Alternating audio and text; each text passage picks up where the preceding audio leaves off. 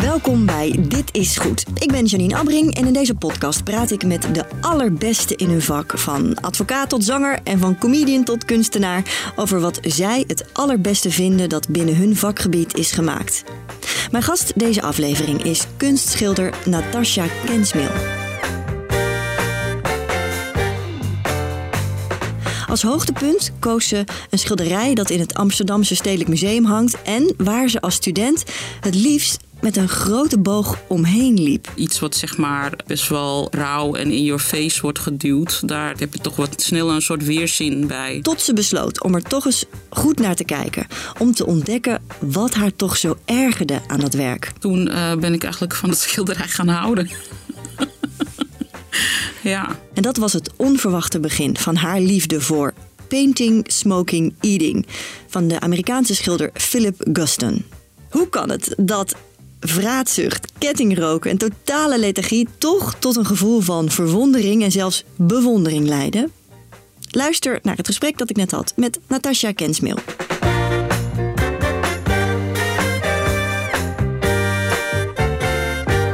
Natasja, welkom. Fijn dat je er bent.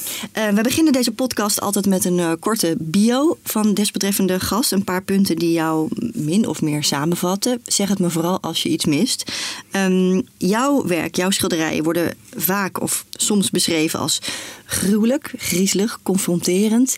Een van mijn favoriete zinnen die ik las over jouw werk in een krant, ik weet niet meer welke was, dat het leek bij een tentoonstelling alsof er waterschade was geweest. Dat vond ik zo'n mooie omschrijving, omdat soms druipt het echt van het doek af. Um, je schilderde bijvoorbeeld duistere portretten van 17e-eeuwse regentesses, gebaseerd op echte portretten, maar in jouw uitvoering onherkenbaar.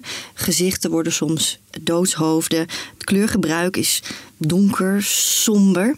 Um, uh, en in veel meer van je werk schilder je ook historische uh, figuren. Uh, op jouw eigen ja, macabere manier, mag ik dat zo zeggen? Ja hoor. Ja? nee, ik wil het niet hebben. Ja.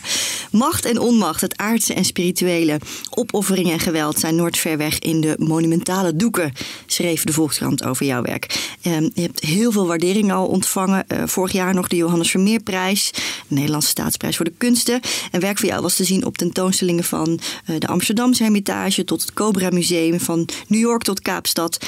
En onlangs uh, heeft het Rembrandthuis nog werk van jou gekocht. Machthebbers spelen een grote rol in je werk. En ik vroeg me eigenlijk af in de voorbereiding op dit interview of nu de actualiteit ook je werk incijpelt, nu er een oorlog gaande is. Die, uh, die zijpelt altijd wel doorheen, zeg maar door mijn werk. Maar ja. Het is niet dat je nu een foto van Poetin in je atelier nee, hebt nee, nee, nee, nee, nee, nee, nee, Wat dat betreft uh, focus me echt wel echt op machthebbers die uh, al gestorven zijn. Dus ik ben eigenlijk wel wat meer geïnteresseerd naar de sporen die ze hebben nagelaten en wat dat betekent voor nu, zeg maar. Dus uh, en voor toen, maar ook voor nu, met de blik van nu. Ja. En, uh, ja, en Poetin, dat, zou, ja, dat is te actueel. En, dat, en de actualiteit vind ik uh, in die zin wel belangrijk om te volgen, zeg maar. Ik voel me wel maatschappelijk betrokken. Maar ik, ik kan dat niet direct vertalen in mijn werk. Door letterlijk uh, dat te gaan illustreren, zeg maar. Begrijp ik, ja. Jij bent meer bezig met de echo van zo'n iemand eigenlijk. Dus wat ja, die, wat ja. die heeft nagelaten. Ja, precies, ja. ja. Um, we gaan meteen door naar jouw keuze. Uh, want dat is natuurlijk de essentie van deze podcast. Iemand vertelt over iets wat, wat eigenlijk wat hij het allerbeste vindt in zijn of haar vakgebied. En dan niet uh, je eigen werk. En als hoogtepunt heb jij het schilderij Painting, Smoking, Eating van de Amerikaanse, Canadees-Amerikaanse schilder Philip Guston uh, gekozen. Um, je was niet bepaald op slag verliefd, weet ik toevallig, uh, toen je dit werk zag. Maar laten we eerst even naar uh, een omschrijving van het werk gaan. Zodat ja. de luisteraar hopelijk uh, zich een beetje een beeld kan vormen. Er staat natuurlijk ook een plaatje in de show notes, maar toch is het fijn. Zou je het werk voor mij kunnen omschrijven? We zien een schilderij. op de voorgrond zien we een figuur. Een, best wel een groot hoofd met één oog. met een sigaret. Het figuur ligt in bed. Op bed ligt een bord met eten. Uh, patat of friet, denk ik. Mhm. Mm -hmm. Op de achtergrond uh, zie je verfpotten met kwasten erin. Uh, je ziet een berg met schoenen met gespijkerde ja, schoenzolen eigenlijk. Een lamp, een peertje hangt aan het plafond en een, een touwtje om het licht aan en uit te klikken, zeg maar. Ja. Hoe groot is het werk? Het is denk ik wel ja, ongeveer twee meter bij anderhalf, zoiets oh. denk ik behoorlijk groot in ieder geval. Het is niet een klein, klein schilderijtje. Nee. nee. Um, kun je iets zeggen over het kleurgebruik? Ja, best wel overheersend roze. Met uh, ja, her en der wat, uh, wat duidelijke toetsen in het zwart en het rood. En uh, we zien geel-oranje. Ja, het is best wel op een gelaagde manier geschilderd, vind ik. Mm -hmm. maar het heeft ook iets ja, cartoonesk of karikaturaal. Ja, met name door dat, dat hoofd. Hè? Kun je het hoofd omschrijven van de persoon die we zien liggen in het bed? Ja, dat kan je bijna zien als een cycloop eigenlijk. Het is gewoon echt één hoofd. Het staat bijna los van het lichaam. Nou ja, een cycloop is een reus met één oog. Precies, ja. Ja. En, uh, en die uh, staart in de ruimte of die, uh, die of is in zichzelf verkeerd. En, en dat hoofd kan je eigenlijk wel opvatten als een soort zelfportret van de schilder. Wanneer zag je dit werk voor het eerst? Ik denk in 1994, 95. Ik zat op de Rietveld. En als kind ging ik al regelmatig naar het stedelijk. En op een gegeven moment hing dit schilderij best wel vaak. En, op zaal, ja. Op zaal, ja. En ik weet nog dat ik er in het begin best wel geïrriteerd door werd. Door, ja, dus dan loop je wat sneller langs. En op een gegeven moment had ik zoiets van... ja, maar wacht eens even, waarom waarom irriteert het me? Mm Dus toen ben ik gaan zitten en gaan kijken. En, ja. Laten we eens beginnen bij die irritatie, want die is natuurlijk interessant. wat, wat irriteerde je aan dit werk?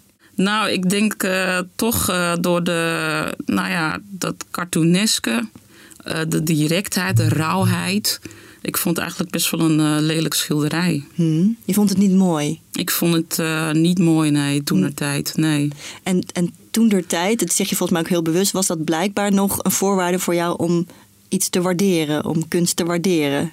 Ja, ik denk dat je zeg maar automatisch als je uh, geconfronteerd wordt met uh, bepaalde schoonheid van een beeld, dat je dan automatisch wat langer daarnaar wil kijken. Omdat je uh, toch in eerste instantie ervan wilt genieten als je ernaar kijkt. Ja. En iets wat zeg maar best wel rauw en in your face wordt geduwd, daar ja, heb heb je toch wat sneller een soort weerzin bij. Maar goed, dat is juist inderdaad, uh, dat kan juist interessant zijn om juist te onderzoeken waar het dan uh, in zit. Ja, en om dat te onderzoeken, van verdorie, waarom, waarom irriteert me dit zo? Waarom blijkbaar loop ik er doelbewust wat sneller aan voorbij? Dat wilde je onderzoeken, dus toen ben je er langer voor gaan zitten. Ja. En toen? Toen uh, ben ik eigenlijk van het schilderij gaan houden. ja. Dus het klinkt een beetje ook als een relatie. Dat je, eerst dat je eerst iemand ontmoet en dat je elkaar verschrikkelijk ergert. En, zo. en dan op een gegeven moment kan dat ook omslaan in verliefdheid. Ja, zoiets. precies. Ja. Dat idee. Dat idee, inderdaad. Ja. Ja. ja. Nee, en, uh, en toen ik steeds weer. Uh, uh, naar het stedelijk ging, uh, ook om andere tentoonstellingen te bezoeken. En als ik dat schilderij dan weer tegenkwam, ja, dan uh, is het net alsof je weer inderdaad een bekende weer ontmoet. En, en je gaat zitten en, en je hervat het gesprek met het werk. Of, ja. Wat mooi gezegd. Weet je, wat maakte, er, wat maakte het nou dat je van het werk ging houden? Want dat zit hem niet alleen in esthetiek natuurlijk. Dat je het opeens waardeert, dat je het opeens wel mooi vindt. Nou, het had heel erg te maken met. Ik vond uh, het heel erg uh, fascinerend om te zien hoe uh, een kunstenaar, zeg maar, uh, op een hele directe, rauwe manier zijn, zichzelf kon weergeven. En, uh, Want is, het is een zelfportret? Het is een zelfportret. Poeh. ja, nou ja, dat is niet. Het is geen. Het is geen leuk beeld wat hij van zichzelf hier neerzet. Nee, maar dat is denk ik ook wel uh, zijn bedoeling. Omdat het, het is eigenlijk best wel. Ja, hij, hij, hij zet zichzelf wel op een tragische manier neer. Omdat ja. het. Uh, het had te maken met de periode waar hij in zat in zijn leven. Dat hij zichzelf uh, opsloot in zijn atelier. En uh, als een bezetende tekening en schilderij ging maken. Hij worstelde zeg maar met de abstractie in zijn werk enerzijds. Maar hij had het verlangen om figuratief te schilderen. En uh, door zich af te sluiten ging hij op een gegeven moment dat verlangen toe, toegeven aan dat verlangen om figuratief te schilderen. En, maar tegelijkertijd ja, had hij ook wel, ge, ging hij ook wel gebukt aan een verslaving van ja, heel veel sigaretten roken. hij ging heel veel eten. Ja, dat is wat, wat je hier ziet. Hij ligt in bed, hij rookt een sigaret. Wat natuurlijk al zo best wel een beetje, een beetje iets viezigs heeft natuurlijk. Of ja, Ja. roken in bed. dat is wel, ja, toch? Ja, Ja. nou ja, hangt van de situatie af. Eh, misschien laat ik niet meteen te, te, te veroordelend te zijn. En dan zo'n bord met friet op het, op, op het dekbed, balancerend. Ja, dat staat dan een beetje voor die, voor die vraatzucht waar hij last van had. Ja, Ja. En tegelijkertijd was er dus blijkbaar die worsteling bij hem, omdat hij is begonnen als eh, hyperrealistisch kunstenaar. Toen is hij abstract gaan werken. En toen hij lange tijd abstract werkte, wilde hij eigenlijk weer terug naar het figuratieve. Ja, Ja, dat was, want dan hebben we het over eh, eh, jaren 50 richting jaren 60. Eigenlijk was dat toen nadan, denk ik. Toch, als je eenmaal in het abstracte hokje zit, dan moet je daarin blijven. Ja, dat was heilig. En, eh, en dat had te maken met dat het abstracte expressionisme, dat was zeg maar voor het eerst dat eh, ja, een soort Amerikaanse stijl die zich een beetje kon afzetten tegen Europa. En, en zich kon laten zien in, een, nou ja, in al zijn kracht in de schilderkunst. En, ehm, en daar had je een bepaalde groep kunstenaars bij, eh, Jackson Pollock, Willem de Koning. Die, en, en Philip Gusten, die Ja. behoorden echt tot de top van het abstracte expressionisme. Dus Dus verfsmijters. Ja, ja. ja, en dat is natuurlijk wel waar Nou ja, dit klinkt, dit klinkt heel oneerbiedig. Ik ben een groot fan van Pollock hoor. Maar Ja, ja. even om de luisteraar een beeld te geven. Ja. Ja. En eh Philip Gusten, die, eh, ja, die behoorde dus tot, tot die top, zeg maar. En eh, zijn schilderijen waren toen ja, best wel vormloos in, in de zin van... ja, hij, was wel echt heel erg eh, de kleuren blauw, rood, groen, grijs... dat was hij op een gelaagde manier, probeerde hij dat eh, te verdiepen, zeg maar. Eh, die spanning tussen de kleuren, de verftoetsen. En ja, hij dook gewoon wel echt in... Nou ja, hij probeerde ook wat, wat abstractie een beetje verstond door ja, dus een bepaalde soort zuiverheid, het ultieme, zeg maar, van het ondefinieerbare te vangen in een schilderij. Ja, wat een, wat een heel ab- abstracte reis is ook natuurlijk. Dat is een enorm abstracte reis, ja. En, ehm, ja, en daar begon hij zich steeds meer te verzetten eigenlijk. En omdat hij uiteindelijk toch eh, meer de drang had om verhalen te vertellen.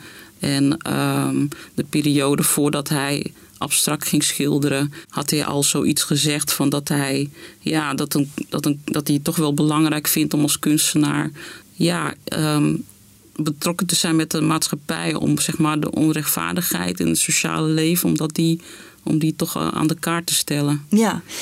Even terug naar de Natasja die daar zat weer opnieuw in het Stedelijk Museum op een bankie. Opnieuw proberen te, te, te vatten van wat is het nou? Waar zit hem die ergernis, die irritatie in dit werk? En je uiteindelijk ervan bent gaan houden. Want deze podcast heet Dit is goed. En ik ben echt benieuwd naar wat maakt dit werk dan voor jou zo goed? Is dat in combinatie met die voorkennis die je hebt? Of nu ook het werk aan zich? Eh, ja, het is eigenlijk beide. Omdat je als eerste kennis maakt met een schilderij waar je, waar je zeg maar een re- relatie mee opbouwt. Eh, ja, gaandeweg ga je er, wil je er natuurlijk steeds meer over weten. Je wilt steeds meer weten wie eh, die figuur is die, die, die dit werk heeft gemaakt. En wat zijn bedoelingen zijn en wat zijn geschiedenis is. Ja, en als je daarover leest en als je daarover weet, dan. ehm, ja, dan duik je in, wezen veel meer. Je gaat steeds, er ontvouwen zich steeds meer mysterieuze eh, vormen die in, zich, die in het schilderij verscholen zijn. Die openbaar zich veel meer ja, in dat heldere beeld wat je van iemand krijgt. Maar ook ja, trek je veel meer ehm, naar die intensiteit van het schilderij. Juist omdat je er meer van weet. En, ehm, en dat je het ook veel meer kan plaatsen Ja. Ja.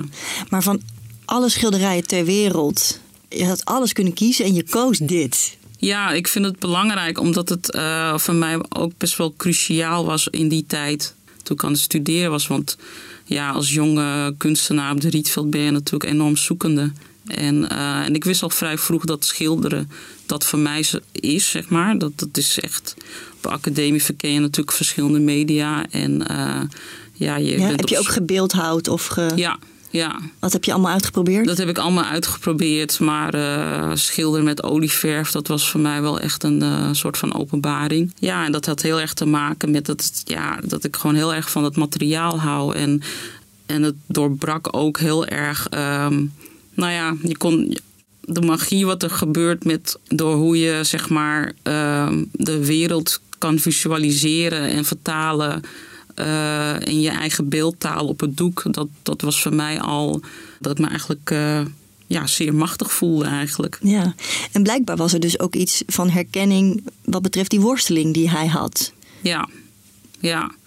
Nou ja, ik vond het ook wel heel erg. Uh, ja, je moet toch wel van lef betuigen als je op die manier jezelf uh, portretteert. Kwetsbaar. Nou ja, alsof je ja, bijna hulpeloos en troosteloos. En uh, ja, je toont eigenlijk meteen je zwakke kanten. En, uh, en, tegelijkertijd is dat ook je kracht of zo. Hm. Dus die twee dingen vind ik gewoon heel mooi samenkomen. En um, had jij een, een, dergelijke worsteling bijvoorbeeld op de academie? Dat je dacht, nou, beeldhouwen was je vrij snel uit en denk, dat is niet mijn ding. Maar ook wel, wat voor soort schilderijen je wilde maken bijvoorbeeld. Dat lijkt me ook niet eenvoudig om daar je richting in te vinden. Nee, dat is zeker niet eenvoudig. En, uh, en ik denk dat uh, Phil Gusten uh, uh, in die zin heel belangrijk was.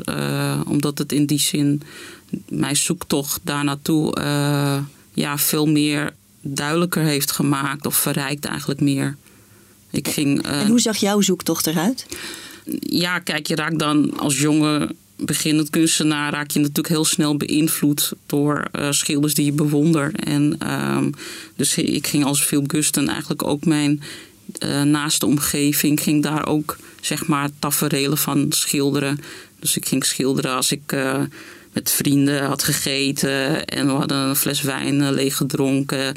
Ging ik de volgende dag ook dat soort taferelen schilderen, zeg maar. De, de asbak vol met sigaretten en uh, de restjes die daar lagen. En uh, ja, ik begon zeg maar ook uh, nou ja, mezelf als uh, objecten te zien en uh, of met, identificeren met objecten, met een winkelwagen of met een televisie of met een wasmachine. En, uh, en die objecten die, die gingen zeg maar hun eigen leven leiden in die schilderijen. En het dilemma abstract-figuratief, is dat iets dat je herkent? Uh, ja, dat herken ik ook wel. Alhoewel ik zelf nooit echt uh, heel erg uh, abstract heb geschilderd. Maar toen ik zeg maar op de ateliers terechtkwam, toen ehm, ben ik dat, dat ook gaan verkennen, zeg maar. De ateliers is, is ook een opleiding? Ja, ja. ja, ja dat is de opleiding die ik gedaan heb naast, na de Rietveld. En dat is een, een instituut waar, ja, waar je zeg maar als deelnemer begeleid wordt door gerenommeerde kunstenaars. Ja, en probeer je ze dan ook een, een, kant op te duwen? Of valt dat mee? Of hoe gaat dat in zijn werk? Nou ja, goed, er werd wel meteen gezegd van ja, je moet grote schilderijen maken. Ja. En uh, dat is goed als schilder, want daar leer je van. En ja, en ik, ik, ik, ik kwam daar met figuratief werk. En, uh, en zij, ja, zij lieten me wel, uh, ze duwden me wel een beetje de abstractiekant op, ja. Ja, dat, eh, ik weet niet, maar dat dacht ik, want ik herken dat wel ook wel van mensen in mijn omgeving inderdaad, die destijds op academies zaten. En, en, en, en abstract werken had toch iets, ja, dat werd dan misschien gezien als ik weet niet of ik het zo kan zeggen, kunstzinniger dan figuratief of zo. Ik weet, door sommige docenten werd er ook wel een beetje op neergekeken, op figuratief werken. Maar ik weet niet hoe jij dat hebt ervaren. Ja, dat was in die tijd zeker ook zo. Ja. Ja. ja. Dus wat dat betreft was, het, eh, was die invloed uh, zeker uh, ook voelbaar op de academie. Maar goed, de, desalniettemin ben ik, ben ik dat gaan verkennen. En op zich ging dat ook best wel goed of zo. Ik bedoel, ik, ik heb best wel schilderijen gemaakt waar ik ook wel tevreden over was. En waar ik ook complimenten over kreeg van mijn docenten. Maar uh, ja, er bleef toch iets knagen. Ja, en je moet ook stevig in je schoenen staan om dan uiteindelijk wel je eigen pad te kiezen. Ja. Dat is dat gelukt? Dat is gelukt, want het, ja, dat kwam mede door omdat ik in een soort van. Uh, ja, ik liep vast. Ik uh, belandde in een soort artistieke crisis, zeg maar. Wanneer en, was dit ongeveer? Dat was in uh, 1998. Vlak voor dat ik bij de, op de ateliers ophield, zeg maar. En het laatste half jaar heb ik toch gekozen om figuratief te gaan schilderen. Ja, ik kon niet anders. Ik moest wel. Ja, je dacht, fuck it. Ik doe het gewoon. Nou ja, ik moest uit die crisis komen, want er kwam eigenlijk geen uh, goed schilderij meer uit mijn vingers. Ja, en toen uh, Guston zijn overstap maakte, eind jaren 60, van abstracte naar het figuratieve, daar hebben we het over gehad, hè, waren de critici bepaald niet enthousiast. En nu uh, is het bij mij weten juist deze laatste periode in zijn carrière waar hij om wordt, om wordt geroemd. De, die abstracte kunst wordt nu door kennis meer als gedateerd gezien. Waarom, waarom is dat, denk jij? Ik denk omdat hij, uh, omdat hij in die latere figuratieve werken, dat, hij, dat komt natuurlijk veel dichter bij wie hij is. En uh, dus dat die schilderijen zijn ook veel overtuigender. En, uh, Waar zit hem dat in? Kun je, dat, kun je daar je vinger op leggen? Nou, dat heeft te maken met een, uh, met een, ja, met, een, met een bepaald soort urgentie en uh, met een bepaald soort drang. En ja, als je zeg maar het lef kan tonen door, ja, door radicaal om te switchen van abstractie naar figuratie, ja, daar heb je gewoon echt uh, lef voor nodig. Maar dat, dat komt uit een, uit een soort innerlijke drang, zeg maar. Ja, en dat zie je, en dat zie je in dat werk blijkbaar. Dat zie je in dat werk, ja. Ja. En, en later zijn die schilderijen ook echt uh, ja, heel belangrijk geworden voor uh, de generatie schilders daarna. Ja, en voor jou dus. Even los van die stap zetten naar een andere manier van werken, van abstract naar figuratief in dit geval, ben je ook nog uh, qua techniek door hem geïnspireerd? En kun je aan, aan ons vertellen wat voor techniek hij gebruikt? Wat voor schildertechniek bijvoorbeeld in dit werk is gebruikt? Nou ja, kijk, als je daarnaar kijkt naar die schilderijen, dan zie je dat het uh, zeer gelaagd geschilderd is. Het zijn echt uh, verfstreken over elkaar heen geschilderd. Je ziet ook uh, sporen zeg maar, van een onderschildering. Die zie je zeg maar, er doorheen gaan. Ja, of, als je het mocht aanraken zou je de verf kunnen voelen, echt. Het, best, het is best pasteus geschilderd, inderdaad. En, uh, en ook zeker als je naar die bergschoenen kijkt... dan zie je zeg maar, een contrast tussen de doorwerkte schoenen... maar ook de tekenachtige manier van schilderen... En is, dat iets, is die techniek iets wat, jou ook heeft geïnspireerd? Ja, als ik uh, schilder, dan, uh, ja, dan schilder ik laag over laag. En uh, er zitten wel duizenden schilderijen over elkaar heen gestapeld als ik een schilderij maak. En, uh, maar ja, je wilt ook heel erg. Ik ben ook heel erg op zoek naar een gelaagd beeld. Dus op het moment dat het.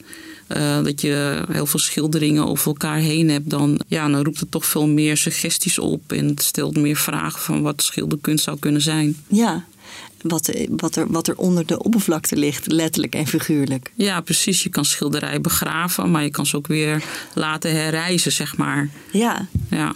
En hoe voel je dan als toeschouwer, denk jij, die laag die daaronder zit? Want die zie je niet letterlijk. Ja, maar die voel je wel. Nou ja, je ziet het en je voelt het als je ernaar kijkt. Uh, het beeld vibreert. Het beeld komt in beweging daardoor. Ja. Um, Gusten heeft ook meer, dat heb je ook al even kort aangestipt, maatschappijkritische schilderijen gemaakt. Dat, dat kwam duidelijk terug in zijn werk. Uh, onder meer ook met afbeeldingen van KKK-figuren, Ku Klux Klan-figuren. Ja. Een aantal Amerikaanse musea wilden die werken niet tonen in een overzichtstentoonstelling van zijn werk. Snap jij dat? Ja, ja, nou ja, goed. Ik, ik, nee, eerlijk gezegd niet. Want. Uh, Want het was het, niet zo dat hij het verheerlijkte, toch? Nee, hij bestreed juist uh, de KKK-beweging, omdat hij uh, toen de tijd ook heel erg uh, werd geconfronteerd met die beweging in Amerika en met racisme sowieso. Dus dat, ehm, dus dat, ja, hij wou, zeg maar, hij was daardoor ook wel gefascineerd door het kwaad, op een of andere manier. En het had ook heel erg te maken met dat hij met zijn schilderijen uh, ja, het wit Amerika, zeg maar, een spiegel wil voorhouden. Ja. En, uh, Hij was zelf wit, hè? Hij was zelf wit, maar wel joods. En hij was uh, geëmigreerd uit Rusland. Hij had, hij had zelf ook te maken met die rassenongelijkheid. Dus in die zin ja, probeerde hij toch erachter te komen wat, wat, wat, wat het kwaad zeg maar, in de KKK hen drijft. Ja. Door zichzelf ook te identificeren met zo'n figuur. Door zichzelf ook met een kap op te schilderen en, en de dagelijkse dingen te doen. En omdat hij toch een of andere manier ja, wil achterkomen wat het, ja, waar het kwaad vandaan komt. Ja, en hoe het voelt blijkbaar ook. En hoe het voelt. En, uh, en misschien schuilt het kwaad ook wel in onszelf en in hem. Ja. Dus. En in dat opzicht had, hadden die werken prima dus in zo'n overzichtstentoonstelling gekund, zeg jij? Ja, ik vind van wel. Het, het is eigenlijk meteen uh, het antwoord op uh, Black Lives Matter in die zin. Ja. Jouw allereerste gevoel bij het werk waar we het nu de hele tijd over hebben van Philip Guston, Painting, Smoking, Eating, um, was ergernis. Dat was de emotie die toen in je opkwam. Wat is het gevoel als je er nu naar kijkt? Hoe oud ben je nu? 48. 48. Natasja, kijk nu naar dit werk. Wat is dan de emotie die je voelt? Nou, het, het verwondert mij nog steeds als ik er naar kijk. het is, uh, aan de ene kant is het zeg maar alsof je een oude bekende weer tegenkomt. En tegelijkertijd zijn het ook weer, ja, ontdek ik eigenlijk ook weer uh, andere stukken in het schilderij. Dus in die zin uh, kijk ik er weer, weer met, met andere ogen naar. Nou, verwondering vind ik een heel mooie emotie. Dank je wel. Alsjeblieft. En jij bedankt voor het luisteren naar Dit is Goed. Wil je de schilderijen die we hebben besproken in deze aflevering bekijken? Ga dan naar ditisgoed.net of kijk in de show notes van deze aflevering voor de linkjes. En wil je meer afleveringen horen? Vergeet dan niet om je te abonneren in je favoriete podcast-app. Op ditisgoed.net vind je nog veel meer over deze podcast en de andere afleveringen. En daar kun je je ook abonneren op onze nieuwsbrief.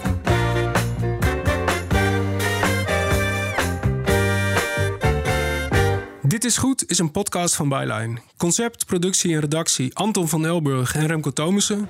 En wil je meer zien? Ga dan naar ditisgoed.net.